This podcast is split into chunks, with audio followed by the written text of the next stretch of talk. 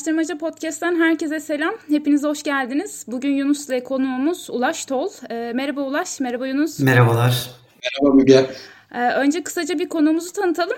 Yaşama Dair Vakfı'nın kurucularından Ulaş, e, yaklaşık 15 senedir de akademi dışında araştırmalarla uğraşıyor. Çalışma alanlarının arasında da etnik kimlik, gençlik, yeni muhafazakarlık, yeni medya gibi alanlar var. Bugün Yaşama Dair Vakfı'nın Kürt Çalışmaları Merkezi ve Rovust Araştırma işbirliğiyle tamamladığı bir raporu konuşacağız. Raporumuzun başlığı da Kürt Gençler 2020 Benzerlikler, Farklar, Değişimler.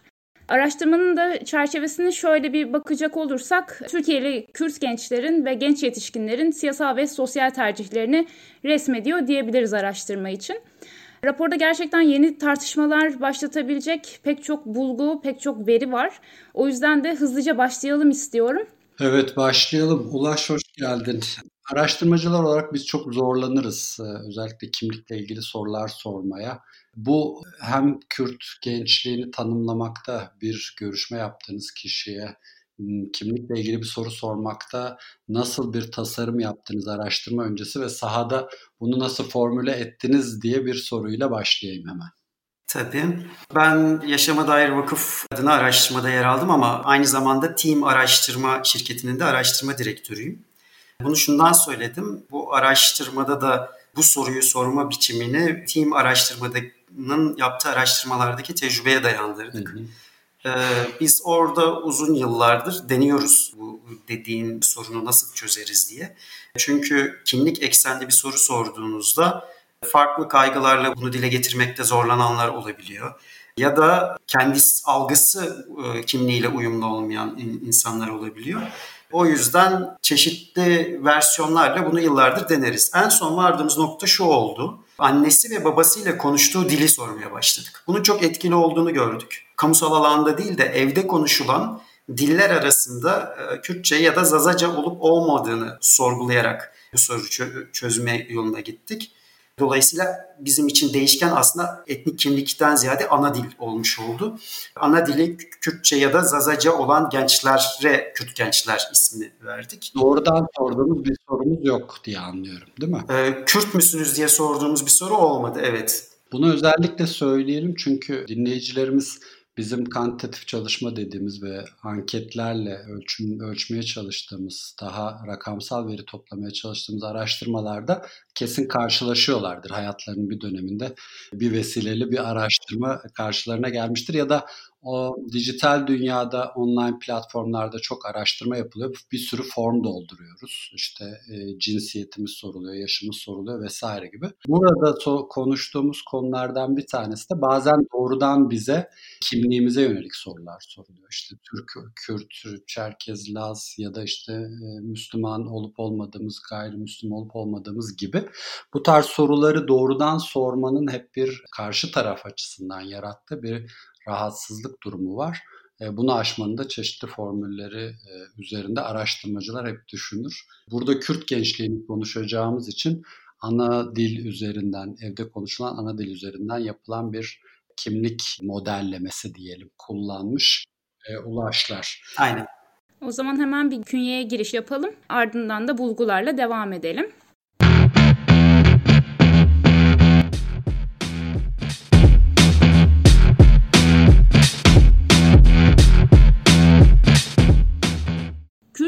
2020 Benzerlikler, Farklar, Değişimler başlıklı araştırma karma yöntemle gerçekleştirildi. Saha araştırması öncesinde keşif çalışması yapıldı ve ardından nicel ve nitel yöntemlerle veri toplandı. Saha çalışması Diyarbakır, Mardin, Urfa ve Van ile yoğun Kürt göçü alan Adana, Mersin, İstanbul ve İzmir olmak üzere 8 ilde gerçekleştirildi. Temsili olan bu çalışmada 1473 genç ile yüz yüze anket yapıldı. Araştırmanın nitel aşamasında ise 100 kişiyle yarı yapılandırılmış derinlemesine görüşmeler ve odak grup toplantıları yapıldı.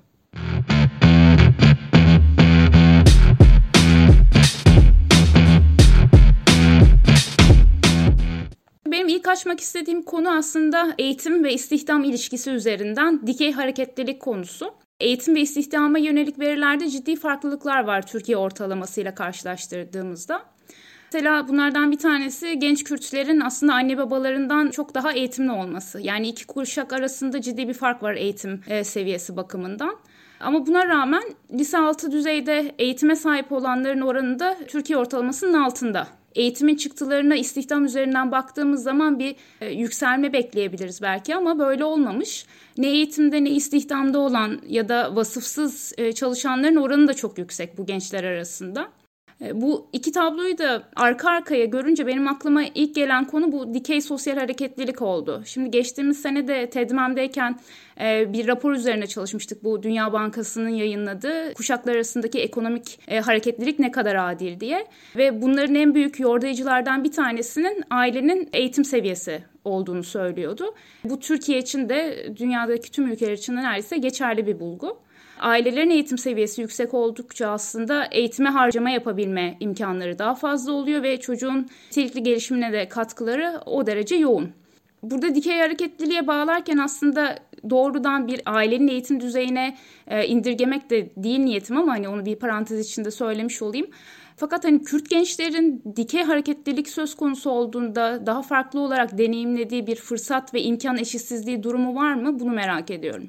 Ee, bu çok doğru bir nokta. En temel e, bulgulardan biri. Yani Türkiye'deki gençliğin genelini Kürt gençlerle kıyasladığımızda bizim de e, en önde söylediğimiz bulgulardan biri bu o, eğitim e, düzeyindeki farklar. Özellikle de gençlerin ebeveynleriyle e, olan farkları.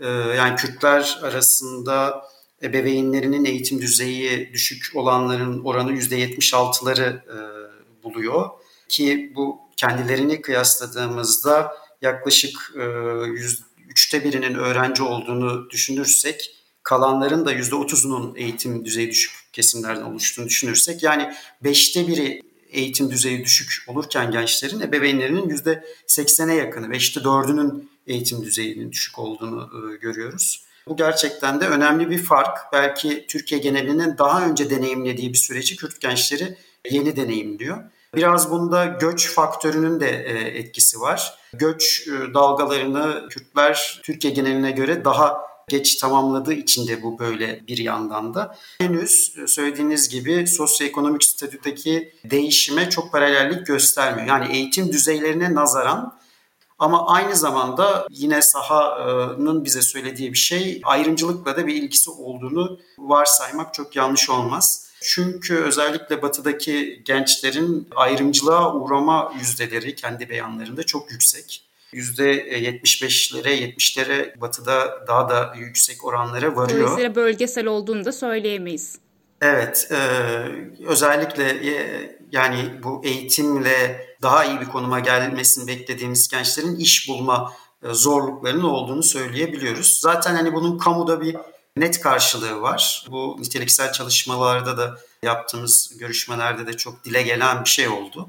Özellikle son bir 5 yıldır falan kamuya alımlarda mülakatın öne çıkması Kürtler gibi ayrımcılığa uğrama ihtimali kuvvetli e, kimliklerde önemli bir problem haline gelmiş. Ama e, özel sektörde de karşılığı var. Bir şekilde istihdam edilme oranlarında Türk gençleri zorluk yaşadıklarını dile getiriyorlar.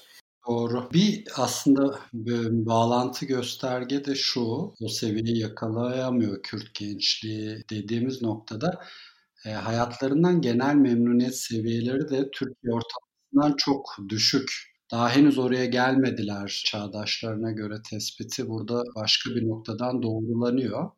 Özellikle şehirden yaşamaktan memnuniyet, genel mutluluk, hayattan memnuniyet, ülkede yaşamaktan memnuniyet, belediye hizmetlerinden memnuniyet gibi farklı açılardan sorduğunuzda soruyu Ulaş, Türkiye ortalamasıyla kıyaslamışsınız ve Kürt gençlerinin ister batıda yaşasın ister bölgede yaşasın çok net bir şekilde diğer gençlerden daha düşük oranda hayatlarından memnun olmadıkları gibi bir bulguya ulaşmışsınız. En çarpıcı sonuçlardan biri.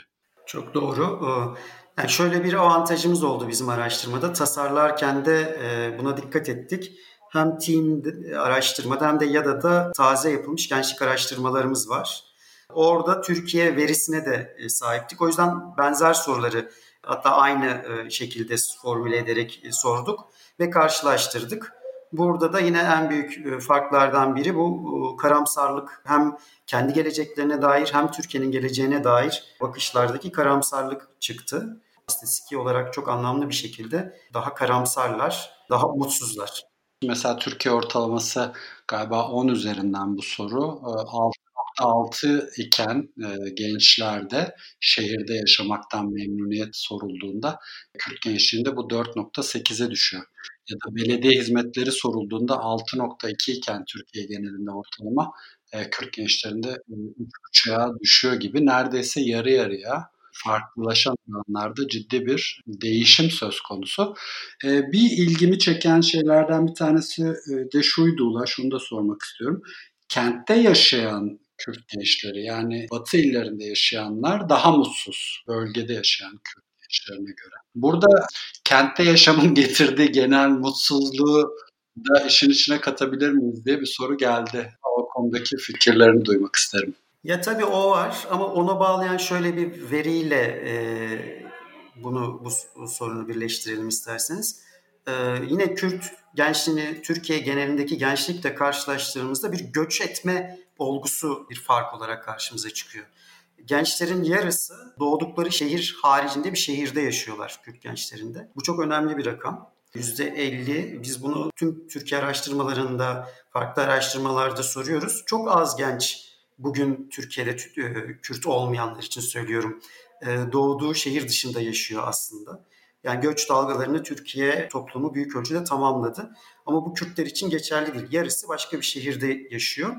Buna besleyen ikinci bir sonuç da bu gençlerin de yarısı bu göç deneyimini yalnız yani ailesinden bağımsız olarak gerçekleştiriyor. Bu da yine çok önemli bir fark. Bizim önceki gençlik araştırmalarımızda bulduğumuz bir şeydi bu. Ailesinden farklı yaşayan gençler ailesiyle birlikte yaşayan gençlerden farklı bir yaşam tecrübesi ve hatta e, farklı bir dünyaya bakış tecrübesi gerçekleştiriyorlar. Ki bu oran az. Yani Türkiye genelinde öğrenciliği e, bitmiş olsa bile hatta kendi geçimini sağlayabilir hale gelmiş olsa bile genellikle gençler evlenmeden aile evini terk etmiyorlar. Ama Kürtlerde bu böyle değil.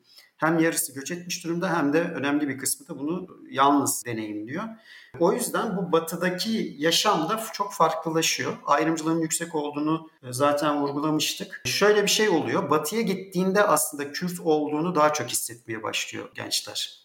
Bu aslında birçok kimlik için de geçerli. Benzer bir şekilde Alevi gençlere yönelik bir çalışmada karşımıza çıkmıştı. Bir anekdot olarak birisiyle konuşuyorduk. Onun çocuğu da şey demişti. Biz aslında işte Ankara'ya gelince Alevi olduk değil mi demişti.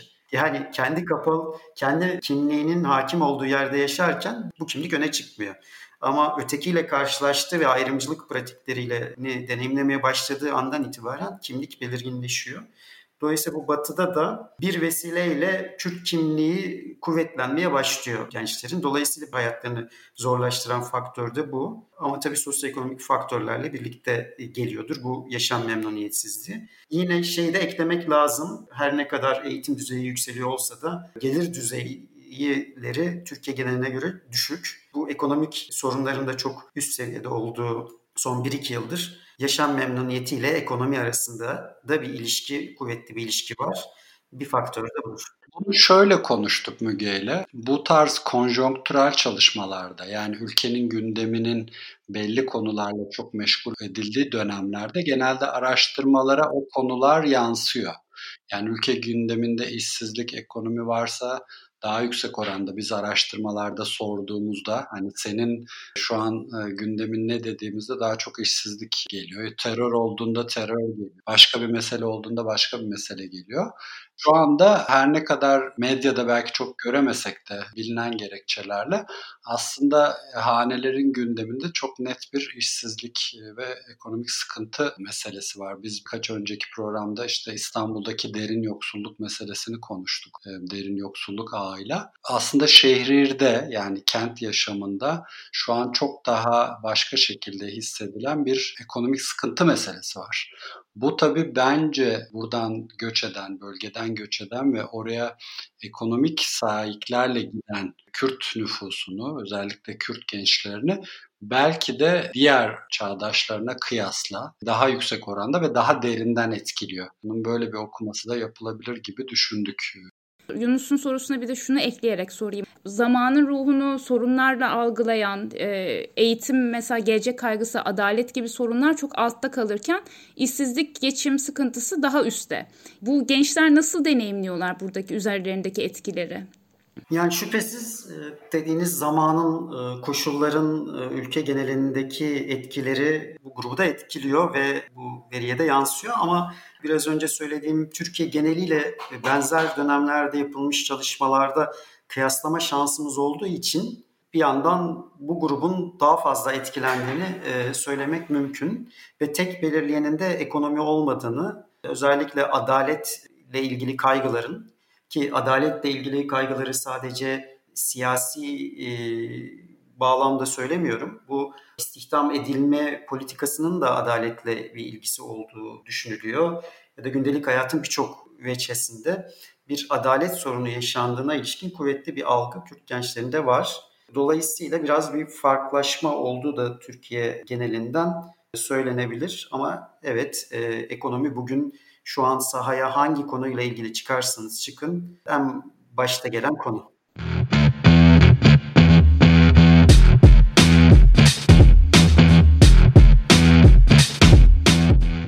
Belki biraz daha bu barış, adalet ve eşitlik kısmının den beklentiye göre diyelim burada bir e, şey açayım. E, araştırmacının eğilimi diyelim. E, sanki Kürt gençlerinde barış, adalet ve eşitlik talebinin daha yüksek oranda olması bir izlenim doğuruyor. Daha çok seyahat, huzur, mutluluk, eğitim, evlilik, çocuk, para gibi konulardan sonra dile getirilmiş. Bir farklılık var mı? Batı illeriyle bölge illeri söz konusu olduğunda Kürt gençlerinin barış, adalet, eşitlikle dair kurduğu hayallerde onu sormak isterim Ulaş.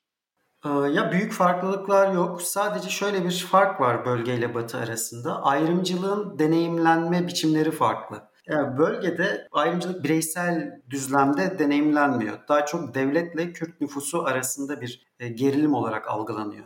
Dolayısıyla tek tek kendi gündelik hayatlarında değil de bir nüfus olarak ayrımcılığa uğrandığı e, düşüncesi hakim. Dolayısıyla bu eksende yorumlanıyor. Batıdaysa aslında devletten ziyade Türkiye toplumuyla ilişkisinde ayrımcılıkla temas daha kuvvetli deneyimledikleri ve yine bir nüfus olarak değil daha birey olarak deneyimledikleri bir şey olarak karşılarına çıkıyor. Ve bu ille bir böyle kendilerinden nefret eden bir grubun ayrımcılığı anlamında söylemiyorum bunu. En yakın arkadaşlarından gelebiliyor. Ee, Kürt oldukları algılandığında karşılaştıkları farklı davranışlar, davranış değişiklikleri uzaklıklar, soğukluklar vesaire gibi çok çeşitli biçimlerde deneyimlendiğinde bunun yol açtığı sonuçlar bölgeden farklı oluyor.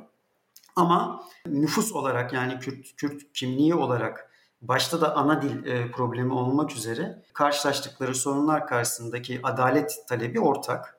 E, zaten talepler arasında da büyük farklar yok iki bölgeyi kıyaslayacak olursak. Burada şöyle bir şey belki ekleyebilirim. Biz araştırmaya başlamadan önce de bu konuda yazılıp çizilenlere, söylenenlere baktığımızda Türkiye geneline göre Kürt gençlerinin radikalleşme eğilimlerinin ve siyasetle ilişkisinin daha farklı olduğu varsayımı vardı. Yani Kürt gençleri daha politizedir ve radikalleşme eğilimleri daha kuvvetlidir diye. Bundan sonra gelen genç kuşağın e, fırtına çocukları gibi e, tabirler vardı bizim saha yani bu araştırmanın ortaya koyduğu şey radikalleşme eğilimlerinin çok azalmış olduğu. Daha ılımlı bir siyaset içerisinde olan bir genç nüfus ile karşı karşıya olduğumuz. Buna rağmen şu sonuçta çıkmıyor. Yani bu ılımlılaşma, Kürt kimliğinden uzaklaşma ile de sonuçlanmamış görünüyor. E, bu ikisi bir arada bir e, hal olmuş durumda. Yani daha ılımlı, Türkiye'ye aidiyeti zayıflamamış, her türlü bu karamsar tabloya rağmen e, bir arada yaşam e, duygusu da zayıflamamış. Fakat Kürt kimliği de kuvvetlenmiş bir genç nüfus ile e, karşı karşıyayız. Böyle olunca da ortaya kültürel kimliğin çok kuvvetlenmesi ve sahiplenilmesi gibi bir sonuç çıkıyor. Bu hem bölgede hem batıda gözlemlediğimiz bir şey.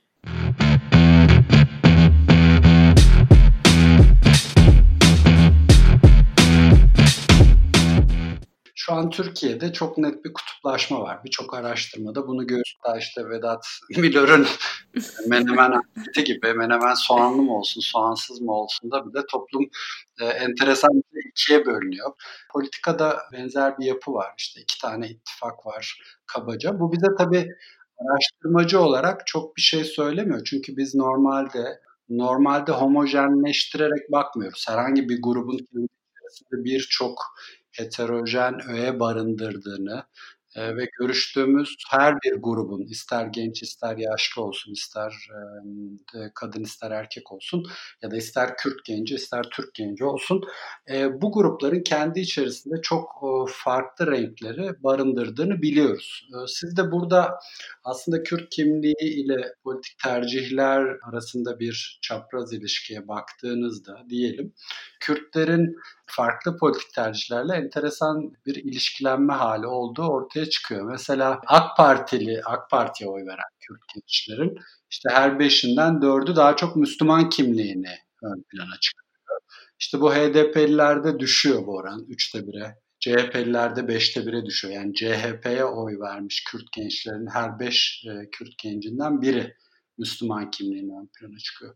Oysa Kürt kimliğine geldiği zaman iş e, HDP'ye oy verenlerde daha yüksek oranda sahiplenilen bir şeye dönüşüyor gibi. CHP ve HDP de benzer bir bantta seyrediyorlar belli konularda.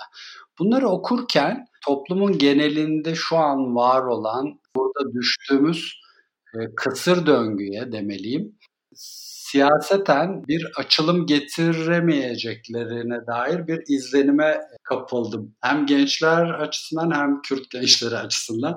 Sen ne düşünüyorsun onu merak ettim. Aynı sıkışmış sanki burada da varmış gibi gözüküyor.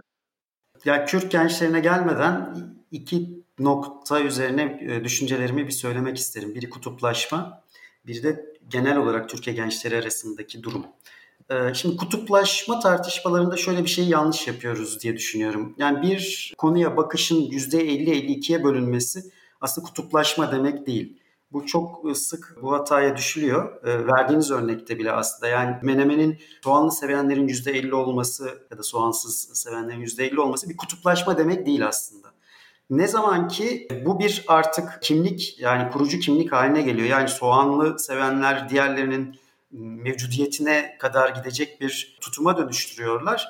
O zaman kutuplaşmadan bahsetmek gerekir. E, yoksa birçok konuda toplum iki farklı hatta %50-50 durumlara ayrılabilir. Ya da tersine Kürt örneğinde konumuz olduğu için düşünelim. Nüfusun %20'lik bir bölümünü oluşturduğu halde %80'i ile bir kutuplaşma içerisinde yaşayabilir. O yüzden onu bir yani kutuplaşma e, ile sonuçlanmasını başka eğilimlere de bakarak e, yorumlamak lazım. Bir bu notu düşeyim. İkincisi de bizi bu araştırmaya da götüren şeylerden biri şu olmuştu. 2017'de yaptığımız bir gençlik araştırmasında ilk defa Kürt gençlerinin farklılıklarını bulmuştuk. Orada şöyle bir sonuç çıkmıştı. Dindar olsun, seküler olsun Türkiye gençleri ortalama olarak gündelik yaşam aktivitelerinde, kültürel beğenilerinde, geleceğe bakışlarında, hayallerinde birbirine çok benziyor çıkmıştı. Dolayısıyla bir kutuplaşma gençler arasında siyasetteki kadar kuvvetli bir kutuplaşmaya rastlamadığımız sonucuna varmıştık. Fakat Kürt gençleri ayrıksı çıkıyordu. Hem kültürel beğenileri çok farklı hem de bu sosyodemografik biraz önce konuştuğumuz meselelerin de getirdiği bir sonuç olarak hem eğitim ve gelir düzeylerindeki durumlarla da ilgili karamsarlıkları yani sosyopsikolojik sonuçları Türkiye gençliği ortalamasından çok farklı çıkıyordu. Burada kutuplaşmanın bir izi var mı diye baktığımızda da işte ayrımcılığa maruz kalma hislerinin önemli bir etken olduğu e, sonucuna varmıştık. Dolayısıyla işte hatta şöyle bir yorum yapabilirim. AK Partili bir Kürt gençle bir Türk genç arasındaki benzeşme AK Partili bir Kürt gençle bir HDP'li Kürt genç arasından daha az. Ya da CHP'li bir gençle AK Partili bir genç birbirine AK Partili bir gençle AK Partili bir Kürt genç, AK Partili bir Türk genç, AK Partili bir Kürt gençten daha çok benziyor. Dolayısıyla söylediğiniz Kürt gençleri arasında baktığımızda farklı siyasal eğilimler olmakla birlikte Türkiye toplumunun genelindeki bu dindar e, seküler kutuplaşmasının özellikle Kürt gençler arasında çok da kuvvetli olmadığını söyleyebiliriz. Bunu hem bir arada yaşam, arkadaş çevresi, birbirine bakış itibariyle söyleyebiliyoruz. Hem de e, or, taleplerde özellikle kültürel taleplerdeki ortaklaşma üzerinden e, söyleyebiliyoruz. E, yani birbirine benzerlikleri çok daha yüksek e, hem e, dünyaya bakışta hem de e, diğer kültürel beğenilerde.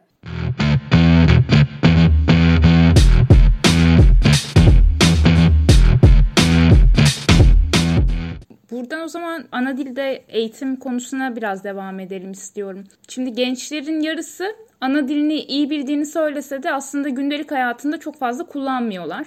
Önemli bir kısmı da ailesiyle sadece kullanıyor. Anne ve babayla konuşma dilleri e, Kürtçe şeklinde görülüyor. Ve Kürt gençlerinin en az beşte biri Kürtçeyi artık pek iyi bilmediğini ya da neredeyse hiç kullanmadığını söylüyor. E, şimdi bu tabloyu bir aklımızda tutalım. Arkasından da konuştuğunuz gençlerde ana dilde eğitim nasıl olmalı sorusuna bir göz atalım istiyorum. Daha çok eğitim dili sadece ana dil olmalı diyenler mesela toplam %10. Her 10 kişiden biri e, ana dilde eğitim olması gerektiğini savunuyor. %64'ü ise iki dilli eğitimde. Dolayısıyla aslında ana dili e, veya çoğunlukla ana dili kullananların eğitim diline ilişkin görüşlerine ayrıca baktınız mı onu merak ediyorum. Çünkü o talebin geldiği nokta da biraz eğitim hakkıyla da ilgili. Özellikle çocuklar ilk başladığı zamanlarda ilkokul çağlarında ana dilde eğitim görmeleri bütün eğitim hayatını etkileyen bir faktör. Sen ne diyeceksin bu konuda yani katılımcılar nasıl ayrışıyor bu bağlamda? Hı hı.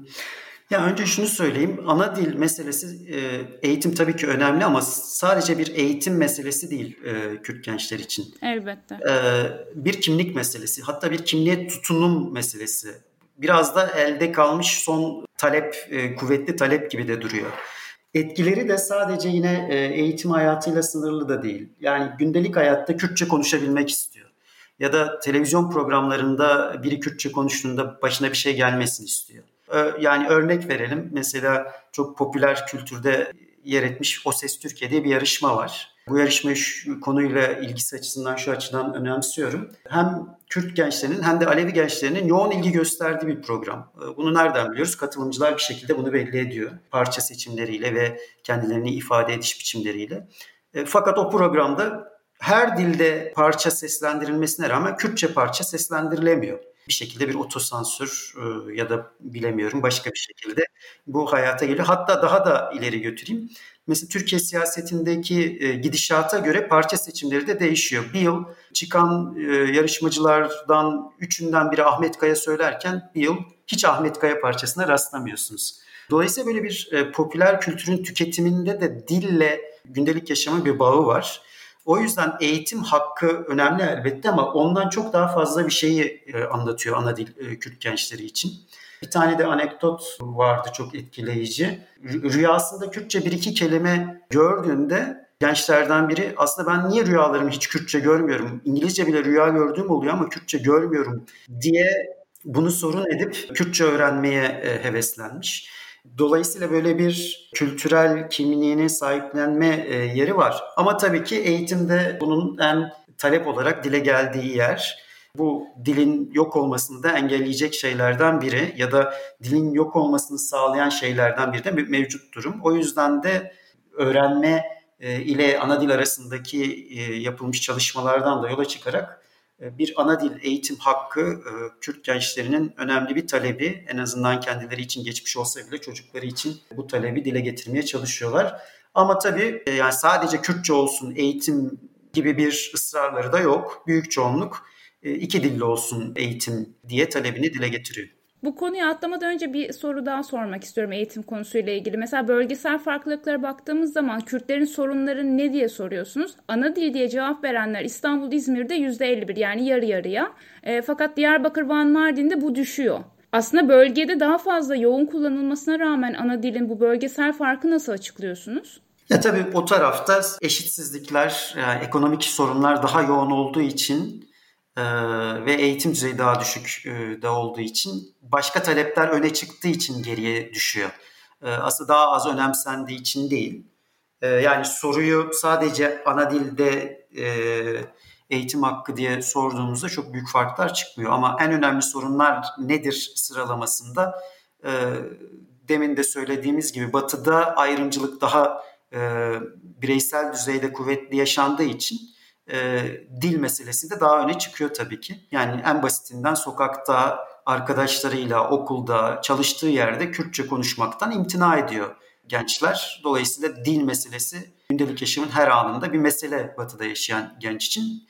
Bölgede böyle bir sorun yok tabii ki. Kimse Kürtçe konuştu diye dönüp bir gence bakmıyor burada olduğu gibi.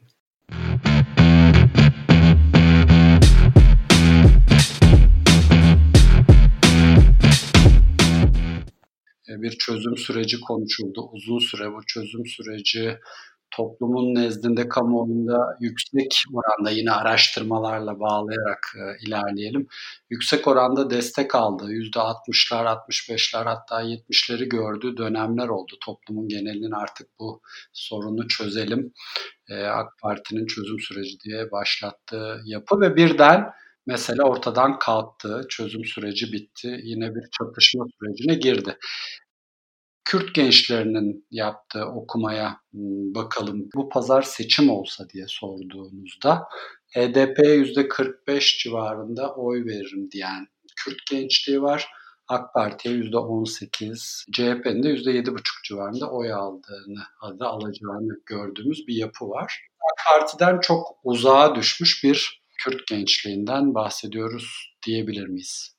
Evet diyebiliriz. Bu başka çalışmalara da dayanarak bunu daha rahat e, söyleyebiliyorum. Yani AK Parti'den uzaklaşan seçmen kesimleri kimlerdir diye baktığımızda buradan ilk uzaklaşan kesim Kürt e, nüfus görünüyor ve daha çok da genç Kürtler e, görünüyor. Yani geçmişte AK Parti'ye verip de bugün vermeyen bir belli bir yüzde bir kesim var e, Türkiye toplumunda 2018'le kıyasla konuştuğumuzda. Oradaki nüfusun önemli bir kısmı ya da Türkiye geneline göre kıyasladığımızda çok fark oluşturan kısmı Kürt nüfusu ve bunun içerisinde de Kürt gençleri. Bu çözüm süreciyle ilgili e, sorunuza ama önce bir tekrar dönersem biz çözüm süreci zamanında da bölgede araştırmalar yaptığımızda gençlerde özellikle şöyle bir tutum vardı. Yani bu son artık. Yani bu sefer bir barış sağlandı ve bu mesele çözüldü, çözüldü. Bundan sonra kimse bizi bir çözüme ikna edemez e, gibi bir e, iklim vardı.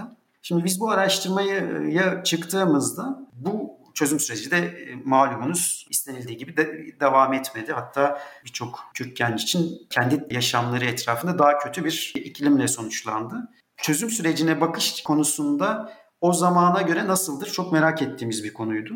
Çok ilginç bir e, sonuçla karşılaştık. Tekrar çözüm sürecine dönülsün, böyle bir sürece girilsin talebi hala çok yüksek o zamandan daha kuvvetli bir çözüm sürecine inanç var şu anda diyebiliriz hatta. Bu ilginç hakikaten barış deneyiminin bu şekilde bir şekilde eğrisiyle doğrusuyla yanlışıyla yaşanmış olması, o tadı almış olması belki gençlerin çözüm ve barışa olan inancını çok kuvvetlendirmiş ve sonrasındaki tecrübe de çözüm sürecini takip eden çatışmanın yükseldiği dönemde tekrar bir hayal kırıklığıyla sonuçlanmış görünüyor. Bu, bu, bu notu bir düşelim. Bu sürecin bozulmasında faturayı daha çok AK Parti'ye kesmekle birlikte iki tarafın da belli bir payı olduğunu da teslim ediyor e, Kürt gençleri.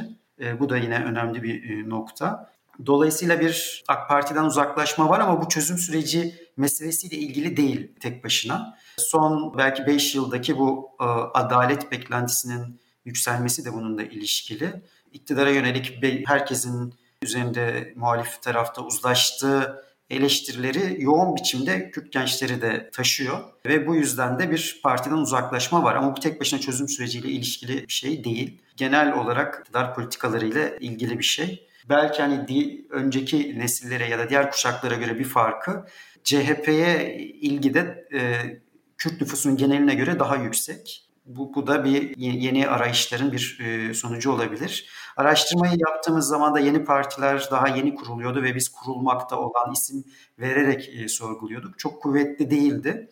Şimdi biz başka araştırmalarda sahada e, gördüğümüz kadarıyla da henüz beklenen ilgiyi yaratmış değil. Ama bu e, AK Parti dışındaki yönelimlerin özellikle genç Kürt nüfusta çok kuvvetlendiğini, e, AK Parti desteğinin de e, düştüğünü e, net bir şekilde görüyoruz sahada.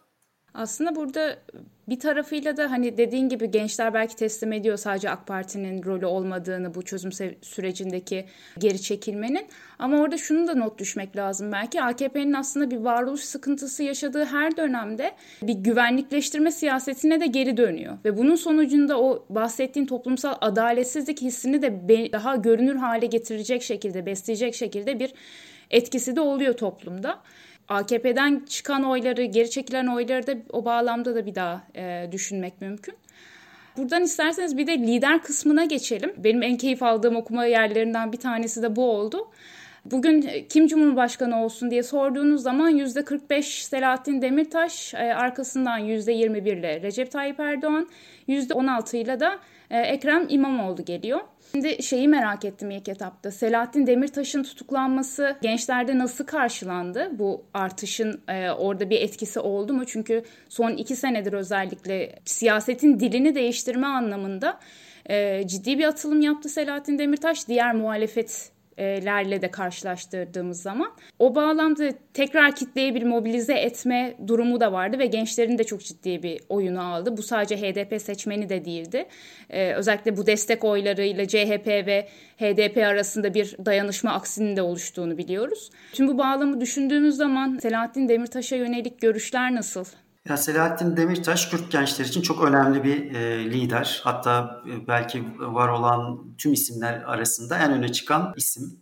Bu e, tutuklanmadan önce de e, öyleydi. E, tutuklandıktan e, sonra da e, e, belki hani e, sahiplenme anlamıyla bir miktar et, olumlu tarafta etkilenmiş etkilemiştir ama e, öncesinde de öyle olduğu için hala e, ön sıralarda gerek gençliği, gerek siyasete yaklaşımı, e, yeni nesil bir siyasetçi oluşu, e, Kürt meselesini sahiplenme biçimi birçok faktör e, bunda etkin oluyor.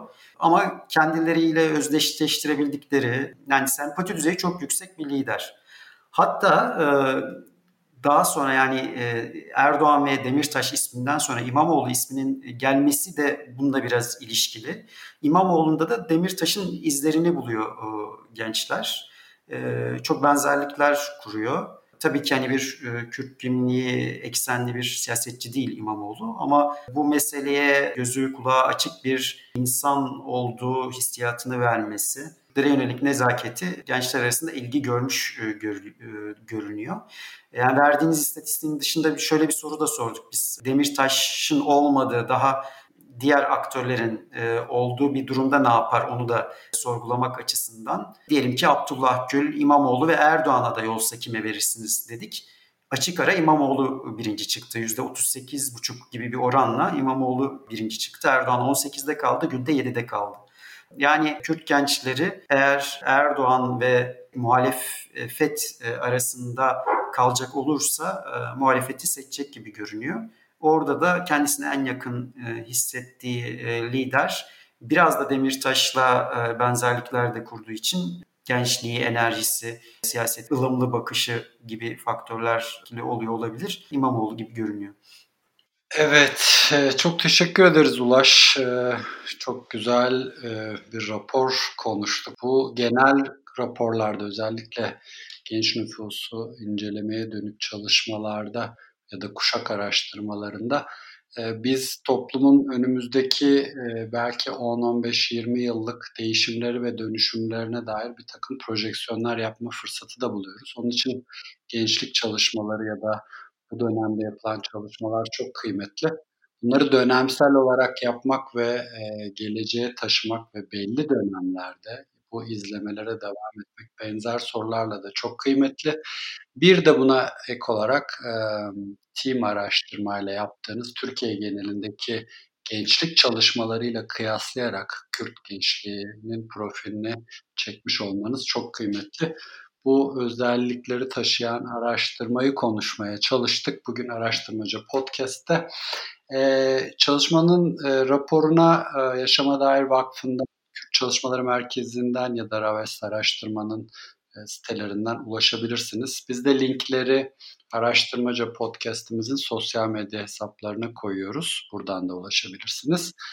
Eğer bu programda konuşulmasını istediğiniz araştırma öneriniz olursa onu da bize araştırmacapodcast.gmail.com adresinden e, gönderebilirsiniz diyelim ve programımızı kapatalım. Çok teşekkür ediyoruz Ulaş. Ağzına sağlık. Teşekkürler Ulaş.